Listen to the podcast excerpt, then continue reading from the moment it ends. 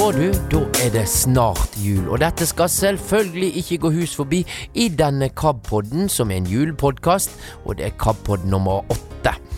Ja, og hva står det på juledagsorden? Jo, endelig kan samer med synshemminger eller leshemminger lesehemminger lese Bibel på egen hånd. Ja, du skal få høre mer om eh, den nye nordsamiske bibelen på lyd. Og du, har du lyst til å ikke brenne en eneste kalori, men allikevel gå pilegrimstur, ja, følg med, da er du på rett sted. Stay tuned i Kappod, som vi sier. Sa på 80-tallet i alle fall. Men det slutter ikke her, du. Frykt ikke. Odd Østby han stikker innom etter hvert med en eh, ny Oddkast, mens eh, Hans Inge Fagervik, ja, han stikker ut på veien etter hvert med et eh, nytt album. Du møter han seinere i podkasten. Det blir eh, jo selvfølgelig tanker om eh, tro, og så ikke mindre enn to julehefter i etterkant av denne podkasten. Og du, jul den handler jo om, eh, om eh, dette med eh, julebudskapet, og så har det jo blitt en tradisjon som har økt og økt i både omsetning og alt mulig, denne, nemlig disse her julegavene. Jeg, ja, jeg er ikke kommet helt i mål med den ene, ene julegaven jeg skal kjøpe, men jeg regner med jeg klarer det før jul, og at jeg ikke må gå ut på en sånn der eh, bensinstasjon eh, på julaften. Um, når vi snakker om julegaver, så, så um, har KAB nå fått seg en fantastisk fantastisk svær julegave. Ja, vi har åpnet den litt før jul, vi har det. Men vil du vite hva det er? Ja, så kommer det òg seinere i sending med Ja, julenissen eller han som kommer eller er det Øyvind Moie, Jeg vet ikke.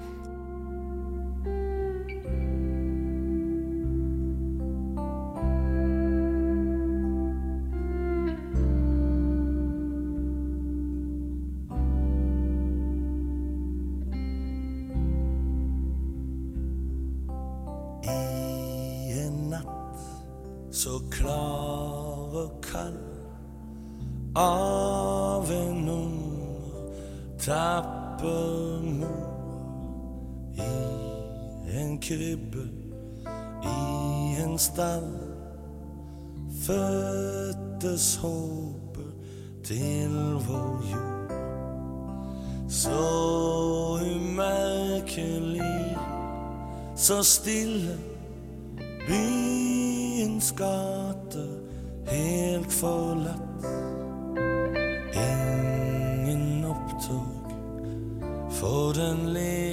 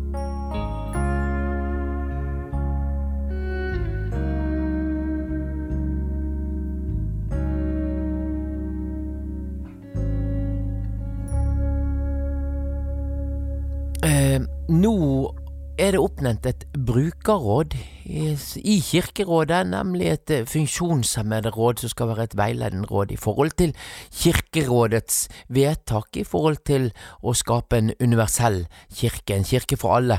Og Mette Lilleng, styreleder, du er en av eh, medlemmene i dette rådet, og dere hadde deres første møte. Ja, det hadde vi, vet du. Det er eh, et stort, stort verv å få lov til å sitte i rådet for eh, personer med funksjonsnedsettelse. Det er eh, Jeg syns det er veldig spennende, faktisk.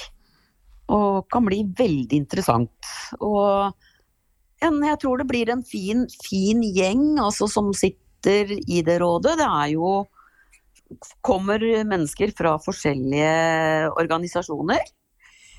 Så ja, jeg tror dette kan bli bra, rett og slett. Men dette skal, skal være et rådgivende organ? Ja, det skal det. Eh, men, men vi har jo ikke noe makt, sånn sett, kan du si. Altså, vi er jo rådgivende. Vi kan jo altså, komme med innspill, eh, komme med råd eh, og vink men, men, vi har ikke noe større mandat enn det, at vi kommer med råd. Og så er det u... Ja, ja, bare snakk. Og, og hvis f.eks. Altså vi, når, når, det er høringer eh, som gjelder da mennesker med nedsatt eh, funksjonsevne, så vil jo vi i det rådet få disse sakene på bordet, ikke sant. Og så vil jo vi kunne uttale oss da om denne høringen, og komme da med innspill. Og, og, sånn som jeg har skjønt det, så, så, er jo dette Vil de jo på en måte legge ganske stor vekt på det rådet kommer med. Og det håper jeg jo at de vil. Mm. Ikke sant? Uh, det er jo ulike eh, folk, ulike som representerer mm. ulike funksjonsnedsettelser osv. Ser du for deg at det blir en konsens konsensus her, eller kan det bli en litt sånn tautrekking, tror du? Nei, jeg håper jo ikke det.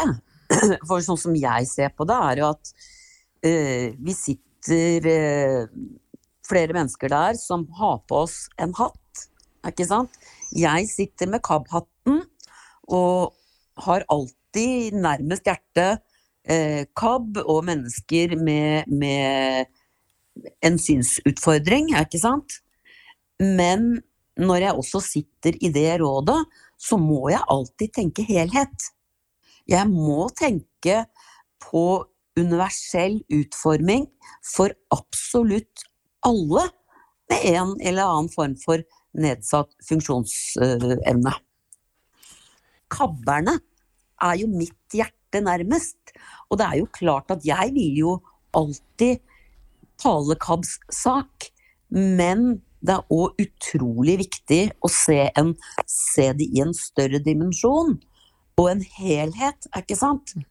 For altså, det som gagner f.eks. en som uh, har noe med hørsel, eller en som sitter i rullestol, ja, men det gagner jo også oss i KAB. Og det er jo sånn vi må se, vi som sitter i det rådet, er ikke sant? Var det noen spennende saker dere diskuterte nå på første møte, da? Nei, altså vi hadde ikke noen saker sånn oppe nå, fordi første møte var jo et introduksjonsmøte, kan du si. Er det noen muligheter å se hvordan, eh, hvordan jeg som bruker av dette rådet kan bruke det? Ja, altså, altså det blir jo sånn at, at hvis du da uh, har en eller annen sak som du tenker at hm, denne, denne burde liksom dette rådet ha, ha sett på. Så ja, da, da, kan jo du melde den saken inn til meg, da, fordi at du er, er en kabber, ikke sant? Og så kan jeg ta med meg den saken videre inn i rådet, og så diskutere den i rådet. Og, og da eventuelt fremme den da videre oppover i systemet det skal ikke være Du skal ikke kunne fremme noen lovforslag eller noe sånt. Dette, dette mandatet er rent et rådgivende mandat. Eh, ja. Men skal dere representeres på alle kirkemøter framover? Vet du hva, det vet jeg ikke. Men det håper jeg jo. Men, eh, men det ble det ikke sagt noe om. Men, men det tar jeg egentlig litt som en selvfølge. Rett og slett. Kanskje jeg er naiv, det vet jeg ikke noe om, Kurt. Men, men, men jeg tenker jo det. Altså, hvis dette rådet skal ha en funksjon, så bør vi også være synlige, er ikke sant? Og vi bør jo kanskje da ha en delegat på kirkemøtet. Kanskje det første ting du må fronte dette, Mette? Ja, kanskje det. Mm, jeg skal skrive det opp alt, jeg, vet du.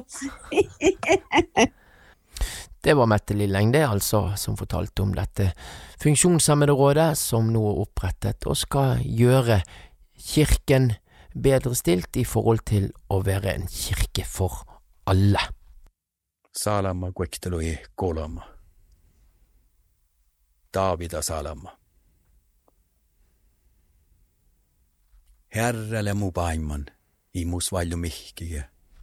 Se on livvuda mu ruonas kiitide, se on läide mu võingaduse tšäätsiilusa. Se on ähpäs mahte mu sielu, se on läide mu vanhurskis võdav pälekäi melde naamastihte. Dette her var vakkert, altså. Dette her er utdrag fra Salme 23, jeg vet ikke om du kjente det igjen der, men og den da ble lest på nordsamisk. For, eh, for første gang kan nå samer med synshemminger og eh, eller lesehemminger lese Bibel på egen hånd. Kjetil Herås på KAB, han er i disse dager i ferd med å gjøre de aller siste finpussinger i den nordsamiske lydutgaven av Bibelen. Dette er et uh, samarbeid dette her mellom uh, Samisk kirkeråd, Bibelselskapet og KAB, og innleser har vært uh, Anne Magga og Magne Ove Varsi, og her forteller han litt om innlesingsprosessen. Ja, dette var jo et, et langt stykke arbeid, selvfølgelig. Men eh, det var fantastisk å sitte og lese eh, en tekst som er språklig så god og, og, og inspirerende. Så, så det, det, var en fryd å få lov til å virkelig oppleve at samisk brukes i alle dens valører og, og ja, i det hele tatt. Det var, nei, det var fantastisk, ja. Skjer det noe med, med innholdet i budskapet òg når du får det på samisk?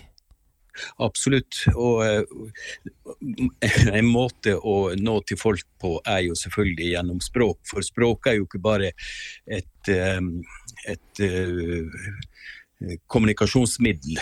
Det er også nøkkelen til en helt annen kultur, en helt annen verdensanskuelse. Og inn, å komme seg innafor de samiske forståelsesrammene. Så sånn sett bidrar jo språket til å åpne opp Bibelens innhold for samiskspråklige eh, lyttere og lesere. Vi er ikke godt vant til eh, å få lov til å lese gode samiskspråklige tekster. Og det kommer jo av at eh, vi bor i land som eh, har hatt en assimilasjonistisk politikk, og hvor eh, formålet har vært å utrydde de samiske språkene. Men her ser man virkelig en tekst som gjør sitt ytterste for å nå fram til, til leseren og lytteren. Er samisk språk et dynamisk språk som klarer å formidle Guds ord på, i nåtid? Absolutt. Og eh, samisk språk er jo veldig rikt på eh, naturbeskrivelser og menneskelige eh, forhold. Så, så, og dessuten så har jo Bibelen fantes på samisk allerede for ja, over 100 år siden, altså på 1800-tallet, så hadde vi allerede en samiskspråklig bibel. Sånn at Bibelen har jo vært en tekst som samene har vært kjent med over veldig lang tid. Men denne bibelen er jo nå kommet ut i en eh, modernisert samisk eh, språkdrakt og i den nye eh, samiske ortografien. Pluss at eh, denne gruppen, arbeidsgruppen som har jobbet med, med den samiske bibeloversettelsen i 30 år, er jo solide fagfolk, språkfolk, og som har gått helt tilbake til eh, originalkildene, både på hebraisk, gresk og andre språk. Og slik at eh, innholdet fra de opprinnelige tekstene nå formidles i en moderne samisk språkdrakt. Ja, og det er litt interessant, for dere har hatt to bibler eh, på samisk. Det er den som er nå, og en fra 1800-tallet. Og den har jo òg en spesiell historie.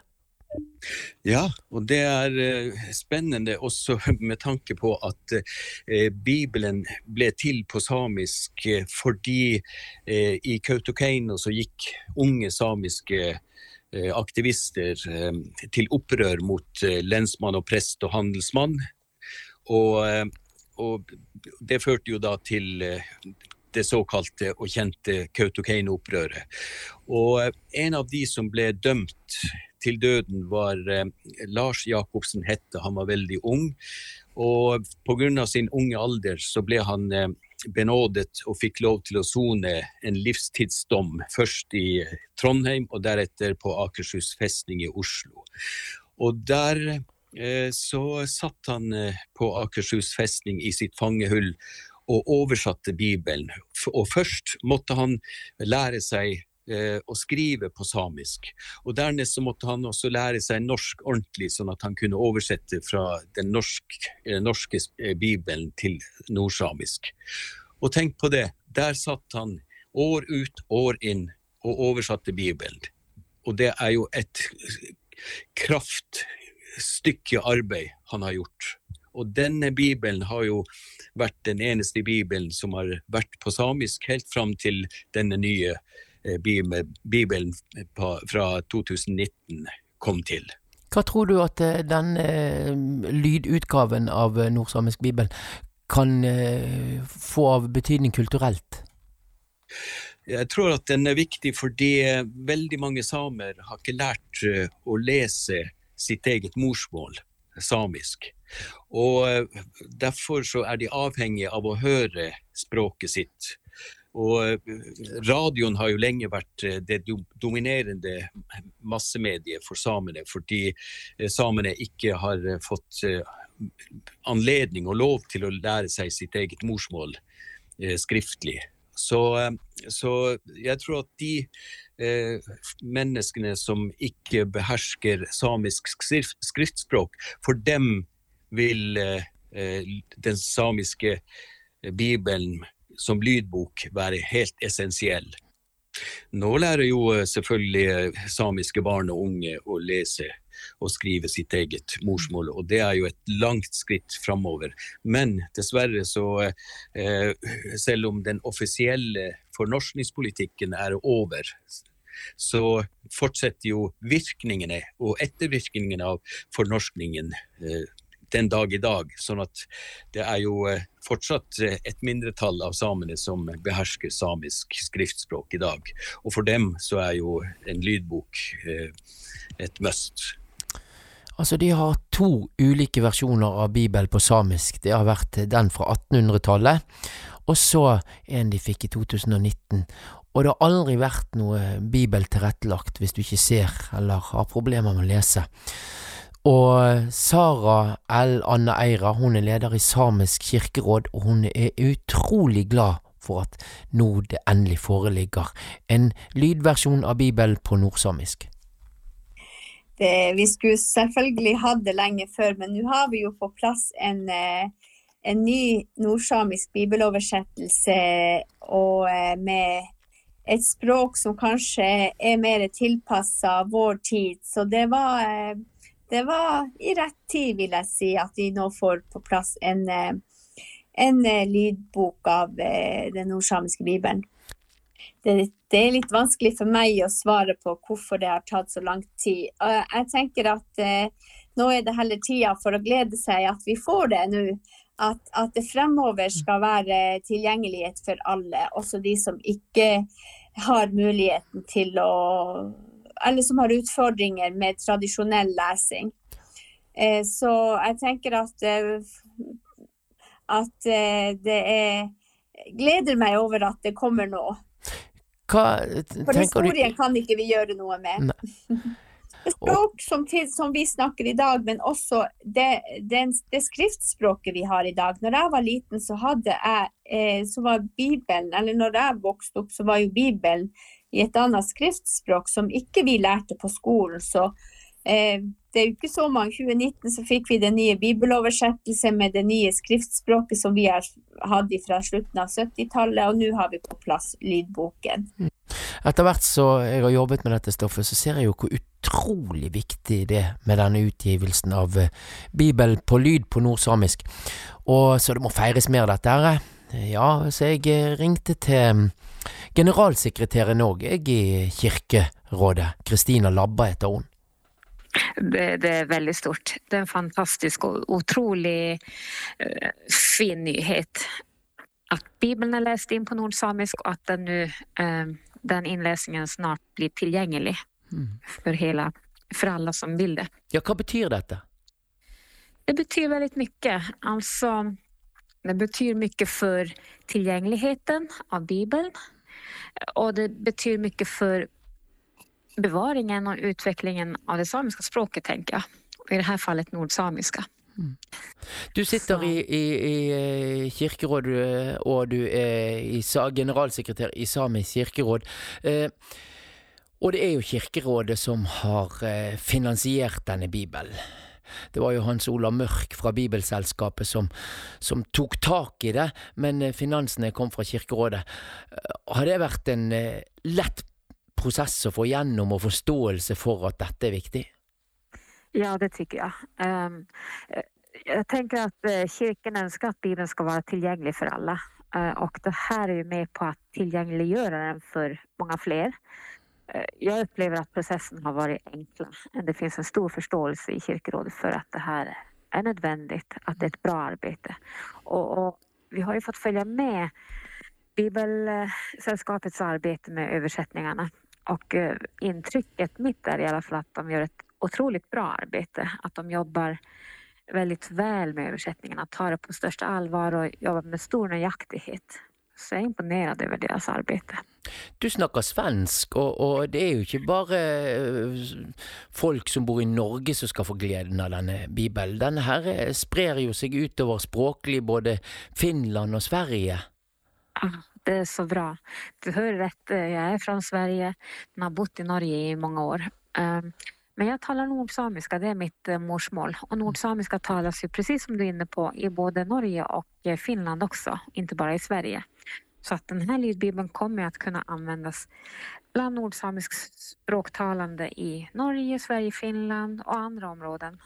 Men kanske också över samisk språkgränserna. För att, eh, eh, men det är upp till en enkelte att se om det är intressant. Men jag tänker att det kan ju också vara berikande. Och särskilt för personer som är intresserade i att lära sig ett nytt språk. Det här kan ju vara en stor hjälp till den också. Det betyder mycket. Jag är nyfiken på att eh, höra hur de läser in Bibeln, vilka ord de använder.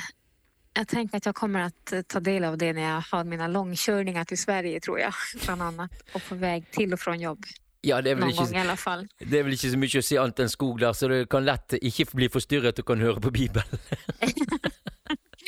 Ja, det, det blir kjempefint og spennende, tror jag. Terapa sigeda etnufas. Te tulvi me luista scheime. Jak ngaitja veret i viima puollanit. Te gire tilin bello tizacin. Eiora din gwafsasau Wei ma swinga hawa showa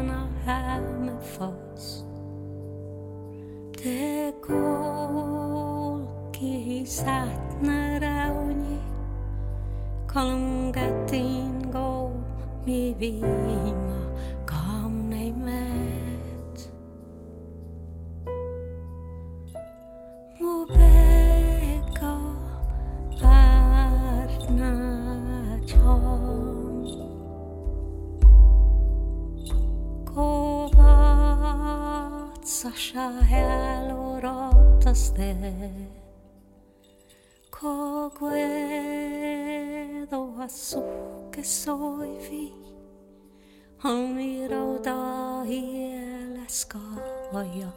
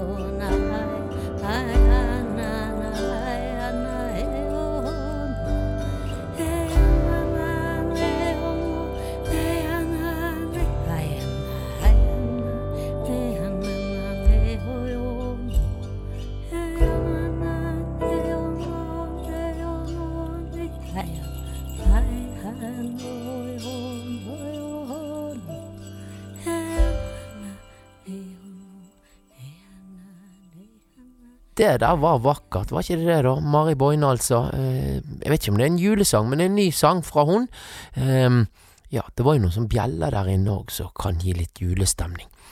Men du, jeg eh, hadde jo en eh, lovnad her i begynnelsen av podkasten om at du kunne få delta på pilegrimsvandring uten å forbrenne en eneste kalori.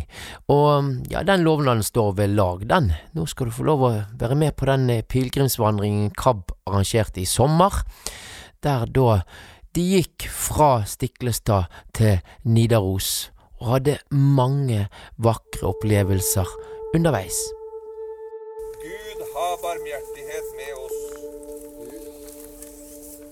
Tjeneste er hengivelse. Det handler om å slippe tak i sine egne ønsker hvis de står i veien for det største og viktigste i livet. En vei som er både tung og lett å gå.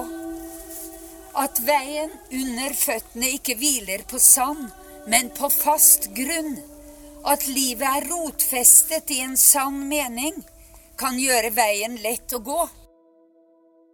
Eh, altså, ja, det var fint. Jeg syns jo alle, alle kirkerommene som vi var i, så var det jo alltid en fin, en fin eh, opplevelse av eh, tekstlesing og eh, musikk og eh, eh, noen bibeltekster.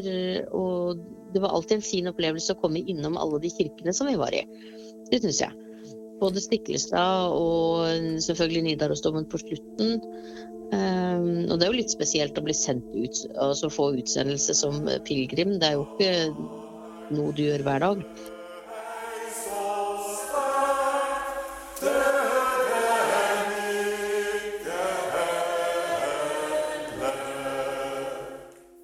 Jeg syns eh, det var en fin ramme rundt både utsendelsen og eh, når vi kom til Nidarosdomen da seint på kvelden eh, etter å ha kommet til Trondheim, så vi på en måte fikk det Olavsbrevet og, og velsignelse, da. Jeg likte veldig godt de, de periodene som vi gikk i fellesskap, i stillhet, gjennom en veldig vakker natur.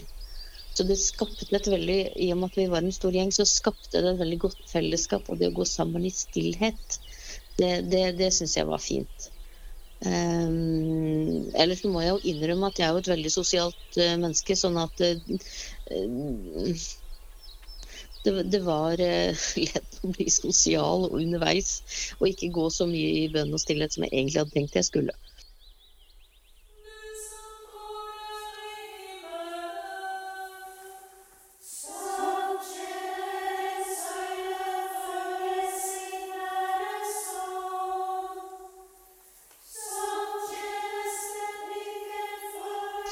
Så var dere i Tautra. Ja, det var helt fantastisk. Der var det så flott. Naturen, eh, klosteret var helt spesielt, og det at vi fikk lov å være på være på eh, tidebønn sammen med nonnene der og komme inn, og vi fikk jo komme inn liksom på en måte i det området Altså det er jo et publikumsområde, og så er det et område som er bare for de. Og vi fikk jo komme inn helt inn på liksom eh, de sitt område og se på eh, de spesielle eh, s, ja, det, Der de satt i det koret, så var det De hadde treskjæring på stolene som så ut som vikingskip. Det var masse sånn vikingsymbolikk. Eh, og naturen var alterbildet. Det var bare en stor glassvegg ut mot eh, fjorden og naturen. Så, så det, det, var veldig eh, Det var veldig fint å få både komme til de, og også komme til munkene på Munkeby, hvor det var et helt nytt uh, kloster. Så vidt det var åpna, holdt jeg på å si. Det var, uh, der var det helt bart, helt sånn reint. og hvitt, nesten. Eh, å få høre på de i sin tidebønn. Det var, ja, det var veldig fint. Det var en, en høytidelig og, og, veldig god opplevelse. Kjære pilegrimer, dagens Olavsnøkkel er tjeneste. Jeg vil be vår medvandrer Rune om å lese dagens bibelord. Det å være på en tidebønn er jo litt annerledes enn å gå på en gudstjeneste eller eh, annet kirkelig arrangement. Og jeg syns jo du kommer nærmere Altså fordi alt er strippa for alt for fra eh, lyd og lys og, og, og, liksom effekter. Det er helt nedpå. Så kommer han veldig nærme Gud da, i, i en tidebønn. For det er ikke noe ytre ting som preger eller påvirker.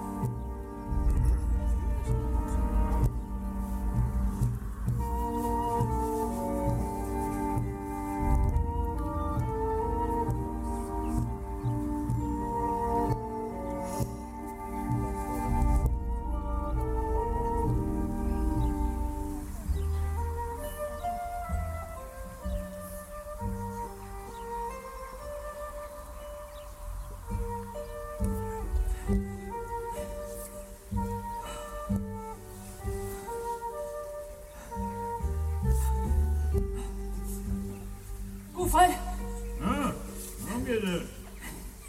gret kloene når jeg plukka deg? Nei, jeg kan nok aldri tro det var til å, å være slåttekar. Ja, men jeg dør. Ja, men dør skal det nå likevel når høsten kjem. Det er som det skal være. Alt liv må dø. Kjem det til Valhall? Bloma Nei, det er ikke mye til Valhall. Som Det var, eh, Stiklestad-spillet var veldig flott. Jeg har ikke sett det før. Eh, Det var eh, Vi fikk se mm, det som er siste prøve før generalprøven. Eh, Så det var, det var fullt spill, men det var liksom med litt stopp underveis. Men det gjorde ingenting. Det var veldig, veldig flott. Eh, Masse flinke skuespillere. Levende hester som løper rundt der. Eh, skuespillerne løper opp i, eh, mellom tribunene, så de liksom involverer eh, publikum i det som skjer. Veldig sterk, sterk historie om, om Olav den hellige, da. Og, og når den ender Jeg mener det er Fader vår han ender i. Han ber Fader vår sammen med åh, Nå husker jeg ikke hva hun heter. eh, ene jentene på gården der. Det syns jeg var veldig sterkt.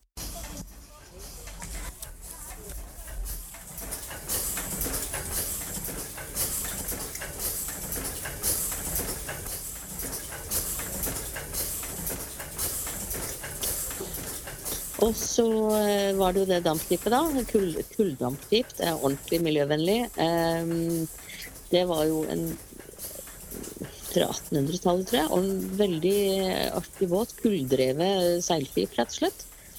Så eh, da fikk vi jo eh, litt eh, sjøsprøyt i håret og kjørte over For du kan jo ikke gå fra Stiklestad til Trondheim uten på en måte enten å svømme over fjorden eller kjøre båt over fjorden.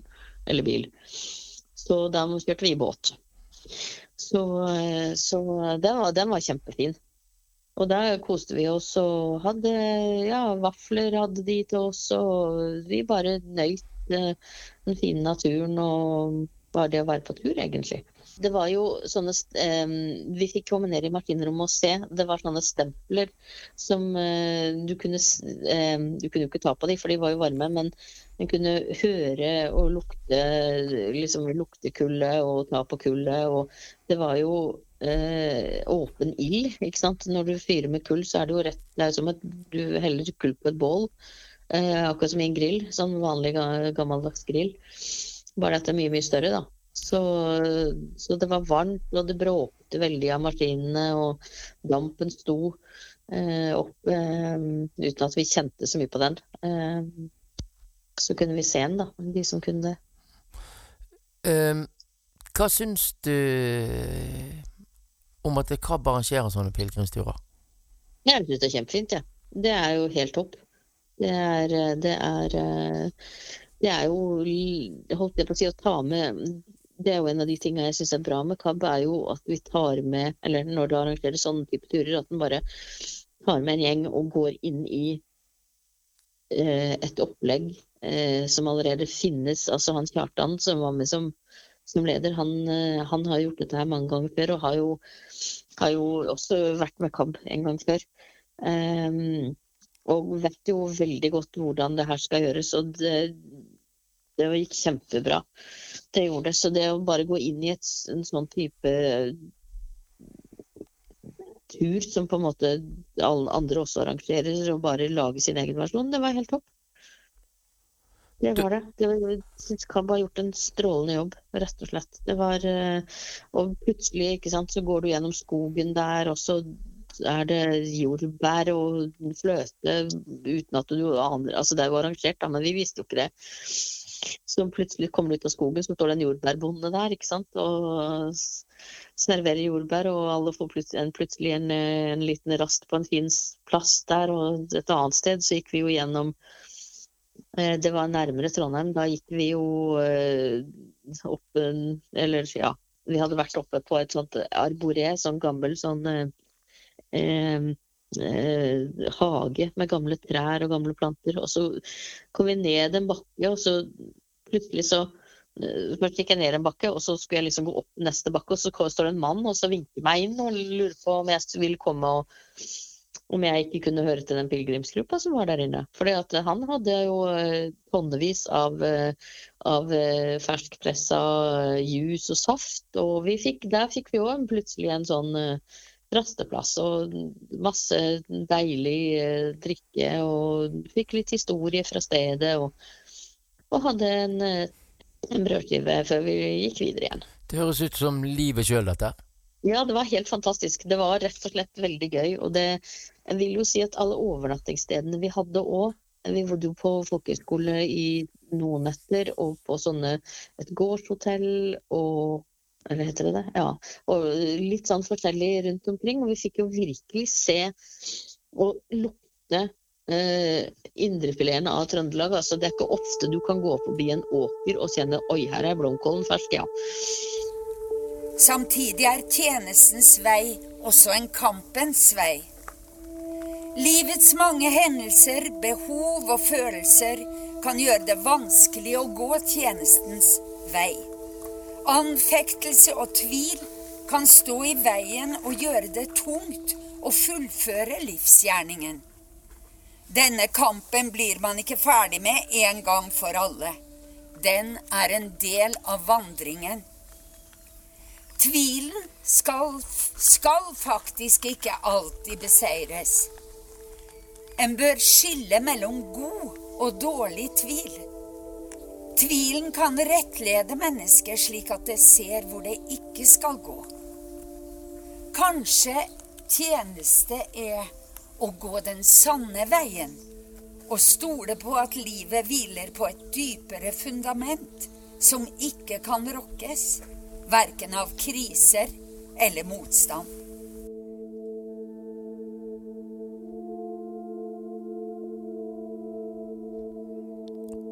Det var Hildegunn Eggenle som leste sin egen tekst. Cecilie Wendelborg hun fortalte. Og Øyvind Woie han har vært eh, flittig med opptakeren under vandringen og skapte de fine lydbildene. Hvis du hører litt sånn støy av biler som kommer forbi her, så har du rett, fordi at det er mer støy nå når det er sånn drittvær som vi har her i Bergen, sant. Det er slaps, det er enorme mengder salt både på fortauer og på veier. Ja, det er rett og slett ingen adventsstemninger. Odd Østby han fornekter seg ikke, han er klar med en ny Oddkast. Og denne gangen er det en eh, kjære juletre, en hyllest til juletreet, kanskje.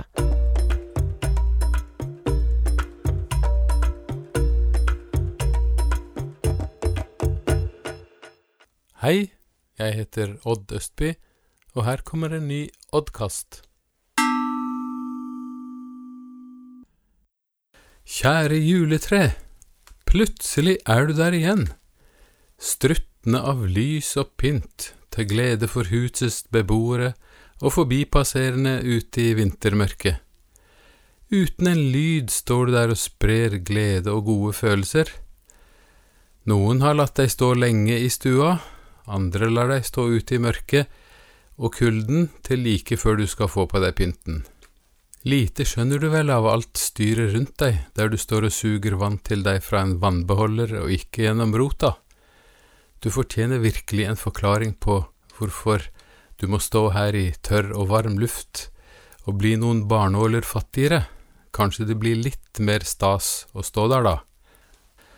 Det har seg slik at på denne tiden feires det at Han som skapte den første av ditt slag, og alt annet levende på jorden, han gjorde seg til et menneske og ble født inn i denne verden, som også du er en del av.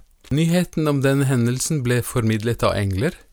På himmelen skjedde det store lysfenomener, og da han som ble født denne natta vokste opp, kalte han seg verdens lys.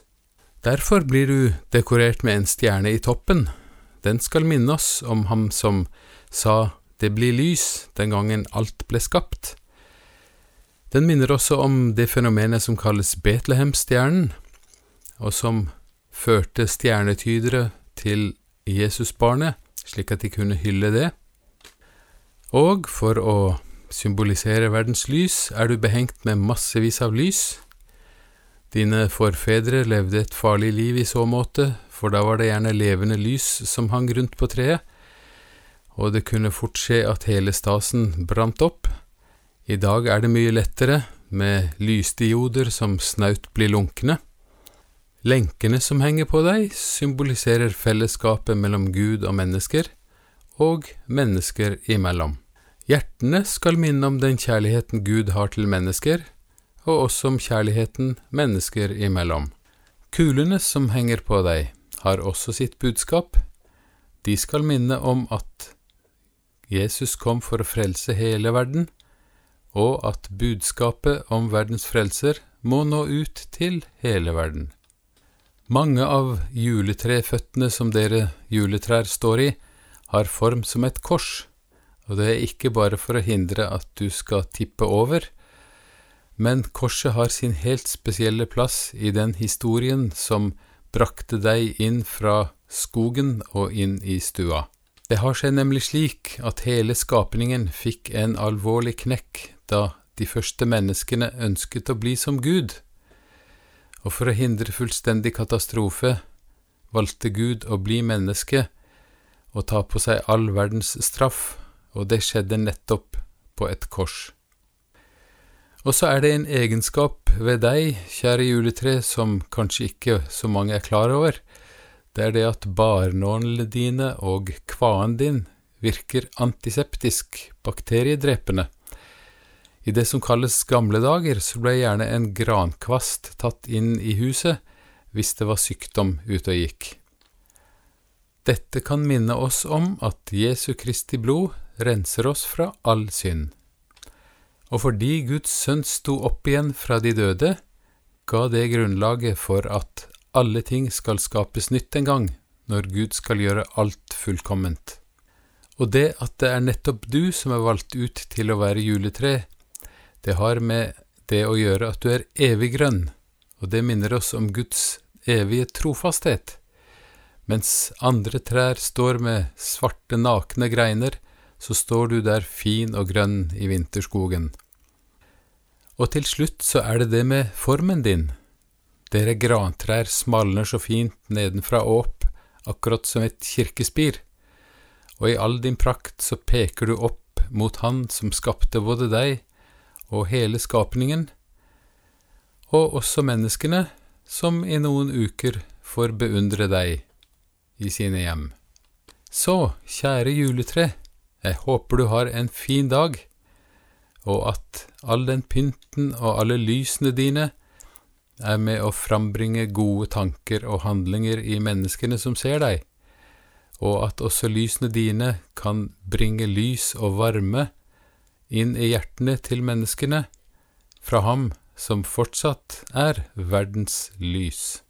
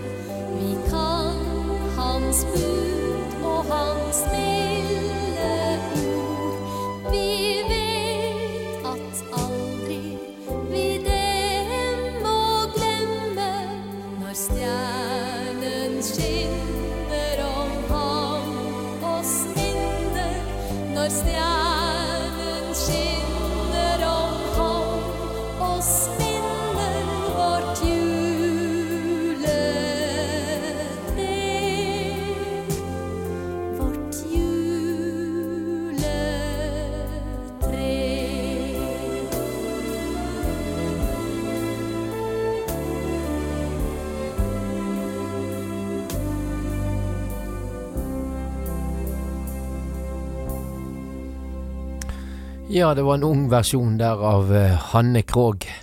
Langt ifra lade svinge-modus der, i alle fall.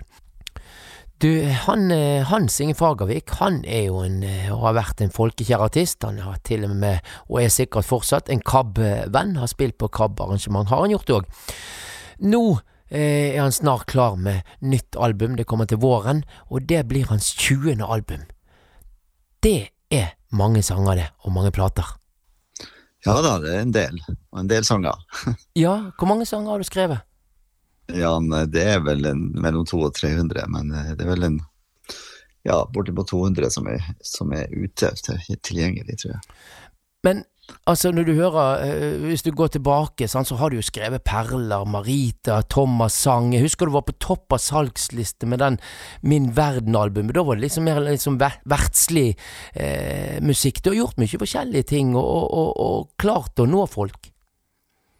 Ja da, altså den eh, Det var jo forskjellige måter å kommunisere på på, eh, på 70- og 80-tallet. så det er rett etter Jesusvekkelsen og sånt, og da var jo veldig, ting veldig sånn direkte. Man skulle liksom snakke med store bokstaver og, st og store ord. Og, og så forandra tida seg. Altså Før i tida da var det jo sånn eh, slagord som gjaldt. Det var liksom eh, eh, ja, USA ut av Indokina og, og eh, eh, nei til EU, EF og alle de her. her. Og så, og så skifta måten å snakke på i samfunnet. Det ble, det ble litt mer nyansert, tingene og sånt. Og så, så ble det sånn for meg også at jeg, jeg, jeg begynte å skrive ting på en annen måte. Så jeg fortalte mer historier istedenfor eh, postulater og liksom sånn. Ja, veldig sånn. Så, eh, så da ble det f.eks. en sang om mor Teresa, som eh, hennes jobb der. Der jeg synger at hun, det hun egentlig gjør, det at hun maler et bilde av han som hun elsker nemlig Jesus. Så, eh, så det ble mer, mer, mer eh, kan du si, farge i det jeg, jeg gjorde. Mm. Eh, ja, for du, du, vi kan vel kalle det for sånn kristenpop-rock. Det var jo stor suksess på 70- og 80-tallet, det, sant? Altså, du, du, spilte for mange folk, og, og, og, og, man ble en liksom sånn litt sånn stjerne innenfor det miljøet òg. Ja da, det var jo mye. Og den tida så var det jo sånn at det var, det var ikke bare, eh, bare kristne folk som kom på mine konserter. For det var jo, det var jo Ja, jeg spilte i Stavanger for 2000 og spilte i Bergen for 1000 og, og liksom sånn. Så det var en, var en, en, en åpning for, eh, for, så mye på den tida. Så, så det var Så turnerte jeg jo i mange, mange forskjellige land. Det var jo 25 forskjellige land, så jeg har fra Australia til, til USA. Så jeg har jo vært med på, med på mye sånt. Men, men, når du har noe på hjertet, og du har en tro, og så reiser du rundt og spiller for uh, tusen der og tusen der, uh, det må jo ha gjort noe med deg og ditt syn på deg òg? Ja, det er klart. Altså, jeg, jeg, er jo, jeg, er jo, glad for at jeg ikke, at jeg ikke slo til som når jeg var 17-18 år, fordi at du, du, du, kan bli høy på deg sjøl, og du kan bli, tro at du er noe mer, mer enn det du er. Så jeg er glad for at jeg var noen og tyve når dette her skjedde, sånn at jeg kunne, kunne ja, ha litt avstand til det og, og, se at det her er at jeg er heldig som får lov til å være med på det her, istedenfor at det her blir bare jeg som, som og, og jeg som er stjerne og alt det der. Så. Er tro og liv viktig i musikken din fortsatt? Ja, det er det. Så den er den er viktig fordi at det, det er fundamentet i alt jeg gjør, og enten jeg skriver en sang om ja, antinarkotikasang, eller jeg skriver en sang om, om, barn som blir skutt i fille i andre land, sånn, så er dypest sett så er alt, alt jeg gjør og livet jeg lever, det, det har troen som fundament. Forrige nyeste singel din, den handler om ja, du snakker om nåden, og når du leker cowboy, indianer og så og bli tatt. Ja da. Det, det, det var ja, jeg, kom på på det, jeg kom på det som et bilde, liksom, fordi at vi, vi eh, Tida har forandra seg på mange måter, og vi lever i en ganske nådeløs tid nå. Der, eh, du skal ikke gjøre mye galt før du blir hengt ut, verken i aviser eller i, i, i media og eh, sosiale medier. Så, så og da eh, tenkte jeg nå passer det med å løfte nåden igjen, der vi både må være nåden, nådefull mot, mot uh, oss sjøl, ikke minst, fordi at vi er jo ofte strengere mot oss sjøl enn vi er mot andre. Altså, vi, du skal ikke gjøre så mye gærent før at du fordømmer deg sjøl og lever Mange mennesker lever med fordømmelse og, og eh, holdes nede pga. ting de har gjort eller sagt, eller, eller eh, sånne ting. Du har jobbet mye med ungdom, og er det blitt verre, tenker du? Ja, jeg, jeg tror at ungdom har det tøffere i dag enn vi hadde det, fordi at det er så det er sånn, Du skal leve opp til så mye krav og så mye eh, Ja, så mange ting du skal, du skal lykkes i, og så, og så ikke minst pga. sosiale medier, altså som forteller hele tida at du må være sånn og du må være sånn. og Hvis du ikke fyller de kravene der, sånn, så er du ikke bra nok. Så, eh, og Det er vel det som gjør at folk sliter med alt fra spisevegring til, til selvmordstanker til det er mye annet som Du, du brenner for mye. Antirusarbeid, å forkynne tro på, på din måte, musikk. Brenner du fortsatt? Ja, det gjør jeg. Fordi at det, den brannen som jeg hadde som ungdom, den har ikke, den ikke slutta. Så, eh, så jeg håper at jeg kan gjøre noen ting som folk gir folk mot til å leve, og folk mot, gir folk mot til å, til å så, eh, ta tak i de vanskelige tingene i livet, sånn at de kan løfte seg sjøl og, og være med å løfte andre, sånn at de får et bedre liv.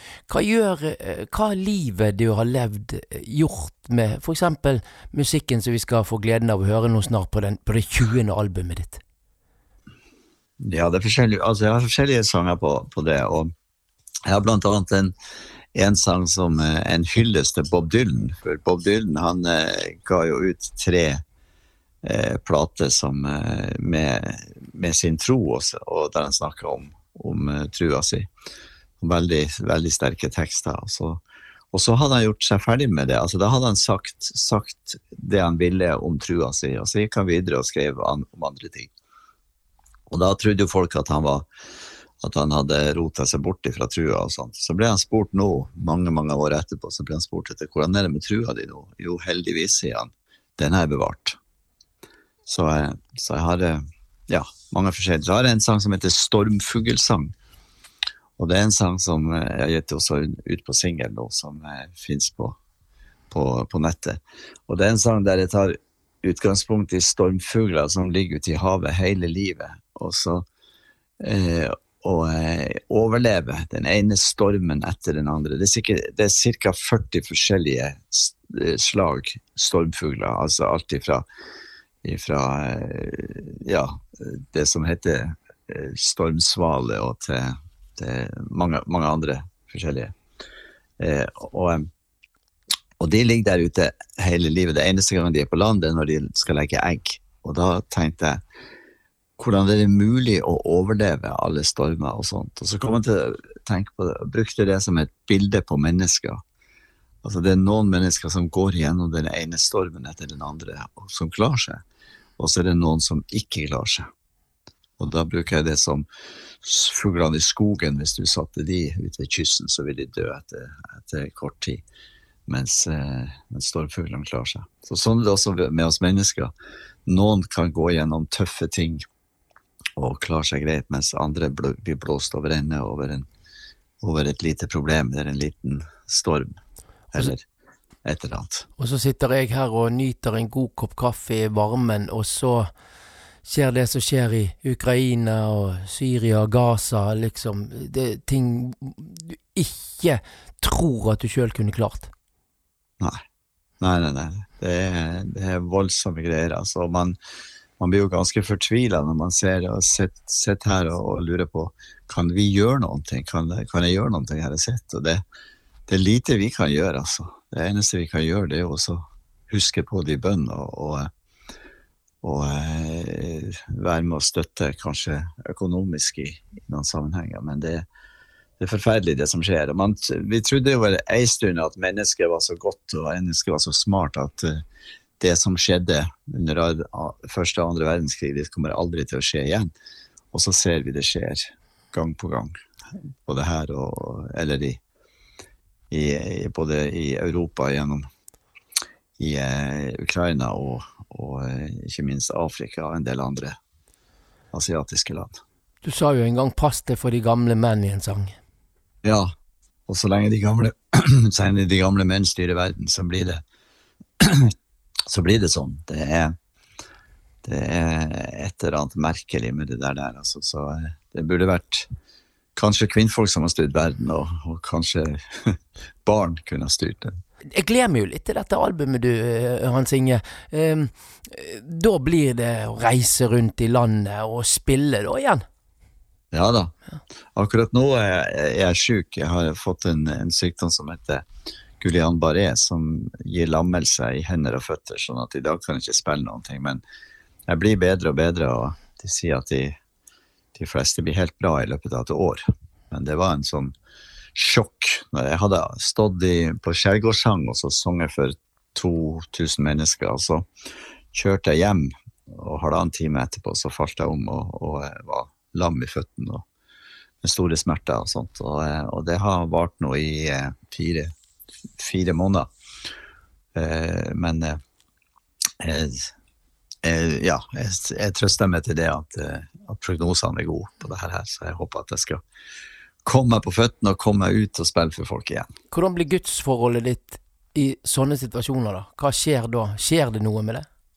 Nei, det skjer ikke noe med, med det. det eh, vi lever i en, i en verden der alle skal dø av et eller annet. Og, og, og om jeg døde i dag, så, så døde jeg. Og, eh, sånn at det har ikke det har, det har ikke noe til med, med Gud å gjøre, dette her. Det, det er ting som rammer oss, enten vi er det, det ene eller det andre. Så. Hans Inge, siden det er jul nå og greier, og du, du er jo vokst opp i, i, i nord, og hvordan mm. få en sånn fin eh, skildring av, av din barndomsjul, da? Til slutt. Ja, jeg, jeg husker jo min barndomsjul som alltid med snø. Det, jeg, jeg tror ikke det er det riktige, men, men jeg husker det alltid som snø. Og, og jeg husker spesielt én ting. Like før jul så reiste mamma til Sandnessjøen eh, for å kjøpe seg en gitar.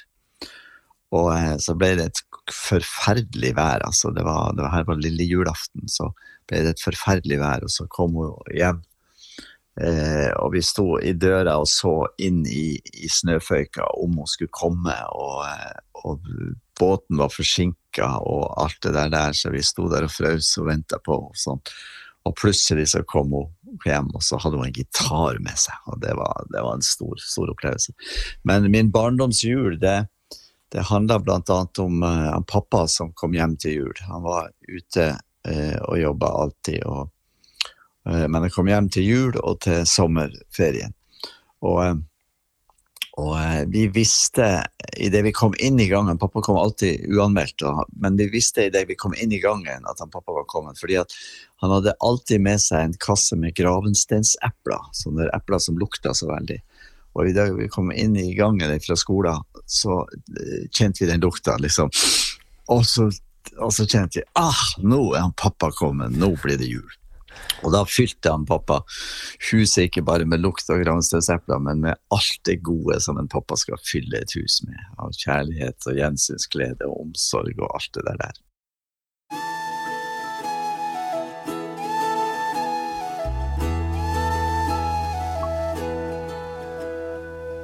Ytterst på øya mi, ned mot havet, står det merkverdige trær. Forma av plassen de fikk her på jorda, av sjøen og vind og av vær. Noen ble skada i storma som ramma og visna så sakte hen. Mens andre holdt fast i det livet de hadde, og reiste seg sakte igjen. Langt ut havet der finnes det fugler som sjelden søk ly eller land. Som rir av de stormer og bølger som kommer for deg.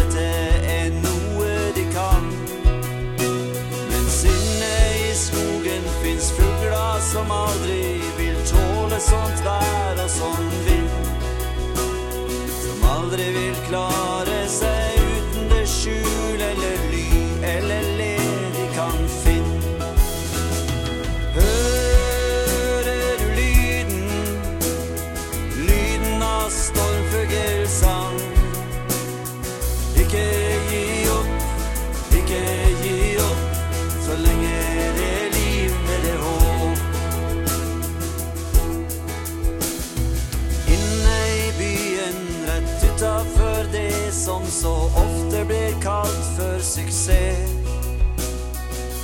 det folk som nok aldri fikk lov til å smake for mye av det.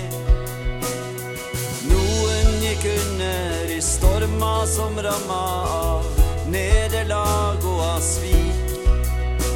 Mens andre holdt fast i en drøm om forandring og takka for livet de fikk.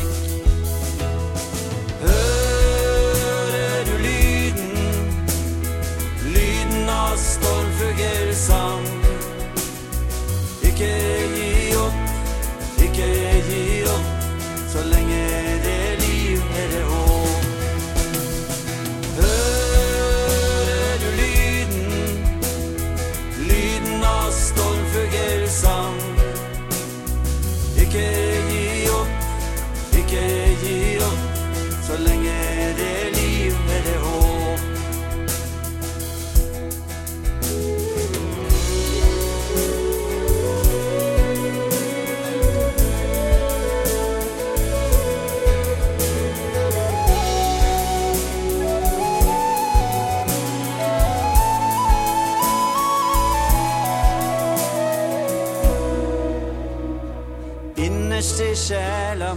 mi, rettast med hjertet mitt, høres det stemme og sang. Helst når det stormer omkring meg og inni meg, og noe vondt er på gang. Noen roper høyt om de feilene jeg gjorde, og prøver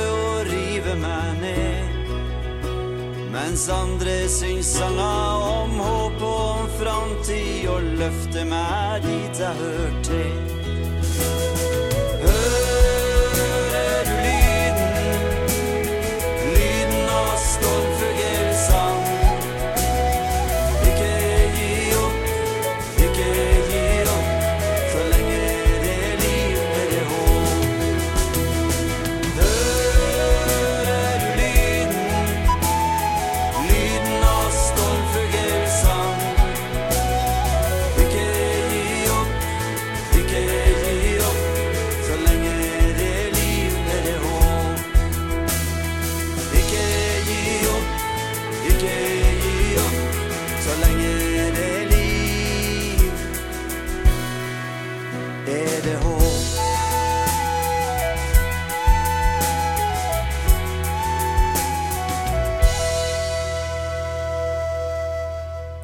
Får du tanker om tro, og denne gangen er det òg Marita Bjørke Aadland, sogneprest i Slemmestad Nersnes menighet.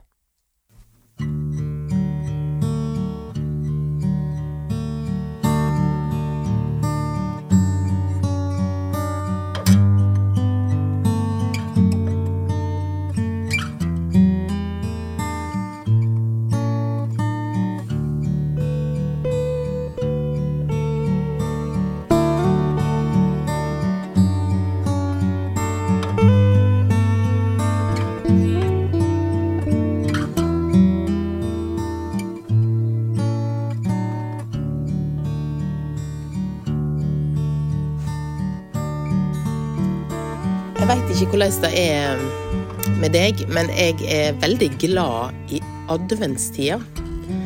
Fordi adventstida lar oss liksom vente litt på ting. Den hopper ikke rett til jula og maten og fellesskapet og gleda og kanskje det litt slitsomme opplegget med alle forventningene. Men advent lar oss liksom være litt sånn i ettertenksomheten, og samtidig med en sånn indre glede og forventning som jeg syns det er litt vanskelig å sette ord på. Men der kommer salmene meg til unnsetning, som så ofte ellers. Der jeg jobber, i Slemmestad og Nærsnes menighet, så er vi veldig opptatt av å følge liksom, de salmene, bruke de salmene som hører til i den delen av kirkeåret som vi er i. Så nå i adventstida så befinner vi oss liksom helt fremst i salmeboka. Vi venter litt med julesalmene. Vi tar adventssalmene først. Og jeg er veldig glad i adventssalmene. For de formidler den der forventningen som jeg ikke helt klarer å sette ord på, på en utrolig god måte. Helt fra Grundtvig sine salmer, Brorson og fram til Svein Ellingsen helt sine helt moderne salmer. Og mange av salmene henter jo stoff fra Bibelen, selvfølgelig. Og salmen blomstrer som en rosengård' den henter liksom tekstgrunnlaget sitt fra Jesaja. Og det er ett vers der som jeg syns er liksom både utrolig fint og egentlig litt morsomt. For der i det ene verset så står det om det, liksom, det gode som skal skje, det vi har i vente, det vi kan glede oss til når Guds rike blir en liksom fullkommen og fullstendig realitet i vår verden. Og det verset er sånn.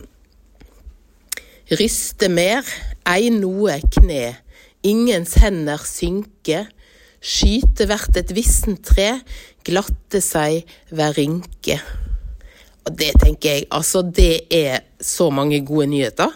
For oss som er sånn rundt 50-åra og begynner å få litt rynke, eller som er enda eldre. Rynkene skal glatte seg. Ikke noe kne skal være dårlig lenger. Ikke noe urolig blod skal rinne. Alt skal være godt. Alt skal være perfekt. Alt skal være fullkomment. Det er det ikke nå, i den verden som vi lever i.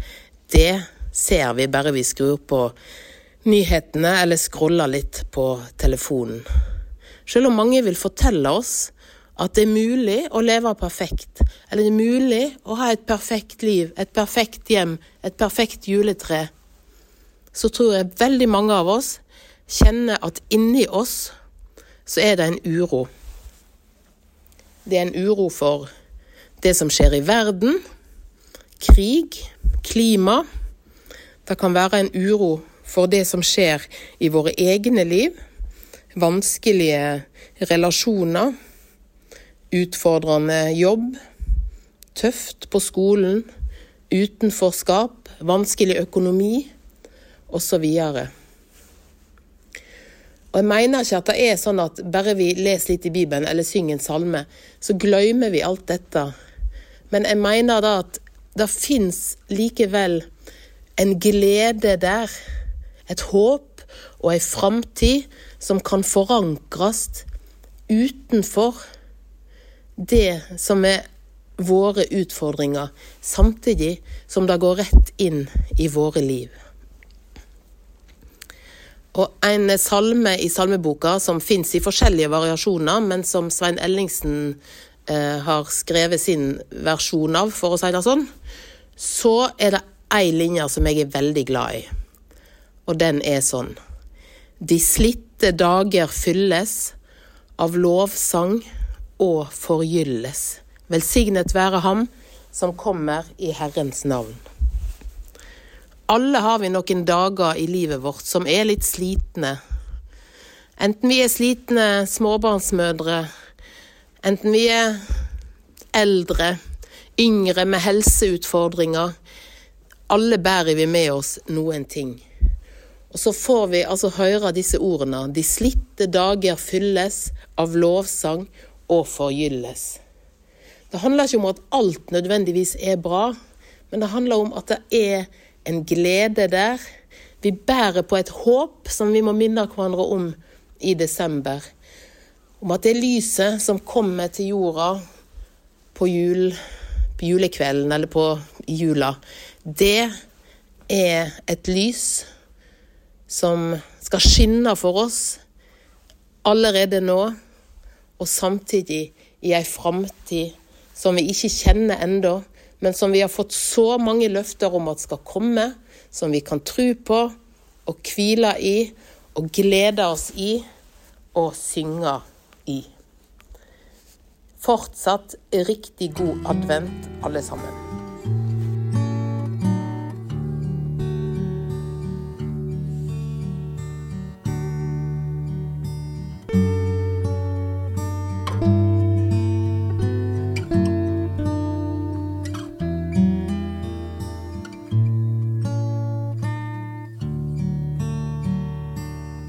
Øyvind eh, Woie, generalsekretær. Jeg har eh, lovet eh, julegave som eh, skal åpnes litt før jul her, så nå eh, regner jeg med at det er du som er julenissen, holdt jeg på å si.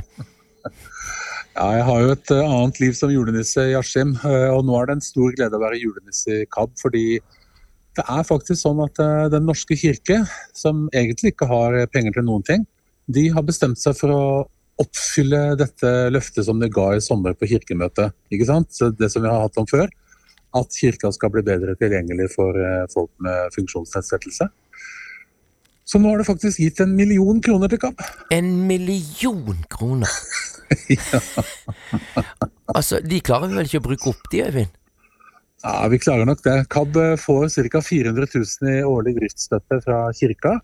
Og for 2024 så er den støtta på 1,4 millioner. Og den store gaven på 1 million, det går rett til salmebokprosjektet. Det blir jo veldig spennende. Og kan, altså, du har jo snakket en del om at det kan være ulike, at du kan få på papir og app, at vi kan kanskje utvikle en app. Og det, det ser jo ut som det kan være mulig nå. Ja, jeg tror at det er mulig, og vi holder veldig hardt på den eh, grunnleggende ideen om at vi tilrettelegger nå salmebok i mange forskjellige former. Så ingen skal være liksom i tvil om at vi skal få noe som passer så maksimalt opp til seg sjøl som mulig. Eh, Så nå har vi nettopp lansert denne e-salmeboka. Den var et lite skritt på veien, men nå er vi klare til å gå videre inn i dette prosjektet. Så om eh, en viss tid så håper vi at vi har kommet et godt stykke videre. og Vi er jo godt rusta. Vi har jo med oss Solveig Marie Oma, som fremdeles er på prosjektet. Så det her er jo bare helt aldeles fantastisk. Jeg ble litt satt ut, jeg, Øyvind. Jeg ble litt satt ut der, ja. Så det, det, det må du ha blitt når du fikk vite det òg. Ja, vi har for så vidt uh, jobba med det en stund, så vi har jo håpa på at det skulle bli sånn. Vi har jo søkt om pengene, så det var ikke sånn helt ut av det blå. Men det har aldri vært gitt så mye penger. Så når det kom, så var det en utrolig fin overraskelse. Det var uh, julegaven, og så uh, skal jo òg uh, KAB KAB skal flytte, Øyvind. KAB har eh, tenkt å flytte, det har vi snakka om lenge, og det kommer til å begynne å gjøre Vi kommer til å begynne å flytte. Fordi dette KAB-huset vårt, det er jo solgt. eh, Og det har KAB fått eh, 7,7 millioner for. Vi har ikke fått eh, de pengene ennå, men det er avtalen at eh, de som kjøper skal betale. Eh, Og så begynner vi på den flyttinga som er i retning av Oslo, som vi har snakka om før. Og det betyr at eh, en del av kontoret KAB flytter fra og med 1.1.2024 inn til det som nå er det gamle Kirkens hus. Her er det skikkelig forviklingskomedie, Kurt. Altså, hvor er det nye, og hvor er det gamle?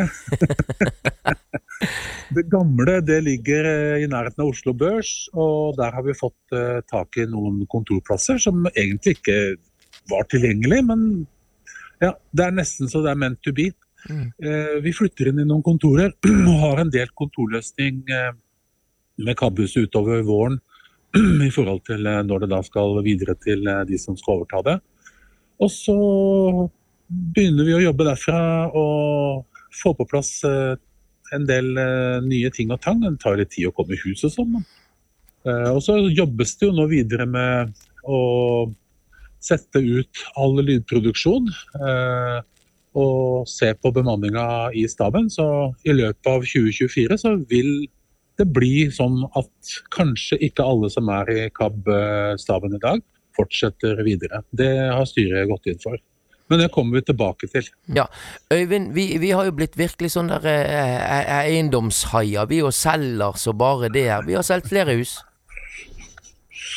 Nei, KAB har jo ikke solgt noe annet enn det som er i Askim. eh, Men KAB er jo involvert i Casa Montana. Så Casa Montana-foreningen har solgt eh, sin eiendom i Spania. Og hva som skjer med de pengene fra det salget, det vil også berøre KAB. Så de midlene som KAB nå da får ut fra sine salg og de relasjonene som vi er i, det gir oss jo et springbrett nå til å videreutvikle KAB. Eh, Og Det er jo målet, da, sånn som generalforsamlingen har bestemt og styret har jobba med, at dette skal bli en bedre organisasjon eh, på sikt, som kommer nærmere folk som bruker oss. Så jeg tenker at eh, er du i Oslo eller skal innom Oslo, så, så må du slå på tråden, for nå er det ja, tre minutter fra Oslo S til det nye delkontoret til KAB. Det er en stor og krevende prosess eh, som vi står i, og som nok vil kunne merkes litt på åpningstidene for når vi tar telefonen og sånn, men vi skal være så service-minded og oppfyllende som vi bare kan. Og så tenker jeg og tror at dette her kommer til å bli veldig bra framover. Åpningstider i jul, Øyvind, det kan vi jo sni litt om før vi gir oss. Åpningstiden i julen er sånn som den har vært det siste året, at eh, vi stenger eh, kontoret når eh, julen ringes inn, og så åpner vi igjen den 2. januar. Da er denne Kabpod, julekabpodden, altså ferdig. Men frykt ikke du, du får to julehefter i etterkant. Det ene i de dager. Er, der er da tekster av Ole Paus og av eh, Jon Fosse. To eh, forfattere der som er på ulik måte aktuell for tiden. Eh, Det andre heftet er Sene natt desember. Det er et hefte, julehefte, av Trygve Skau. Til slutt så har jeg lyst til å bare avslutte med et vakkert dikt. Hei, det er jo Hege Finseth Eidsæter som sniker seg inn med ei julehelsing til alle sammen. Jeg har funnet et dikt av Gro Dale som ja, Det handler ikke direkte om jula, da, men jeg syns det passer ganske bra. Det er mange slags hjerter. Det tynne pepperkakehjertet mitt. Litt for mye stekt. Litt for høy varme. Litt brent i kantene. Litt sprukkent. Du må ta det forsiktig mellom hendene. Ikke klemme for hardt, for da smuldrer hjertet opp i små, små smuler og drysser på duken. Hvis du vil, kan du smake. Vær så god. Spis det langsomt. Tygg litt og kjenn hvor godt det smaker. Hvor søtt det er. Det lille hjertet mitt. 어, 어.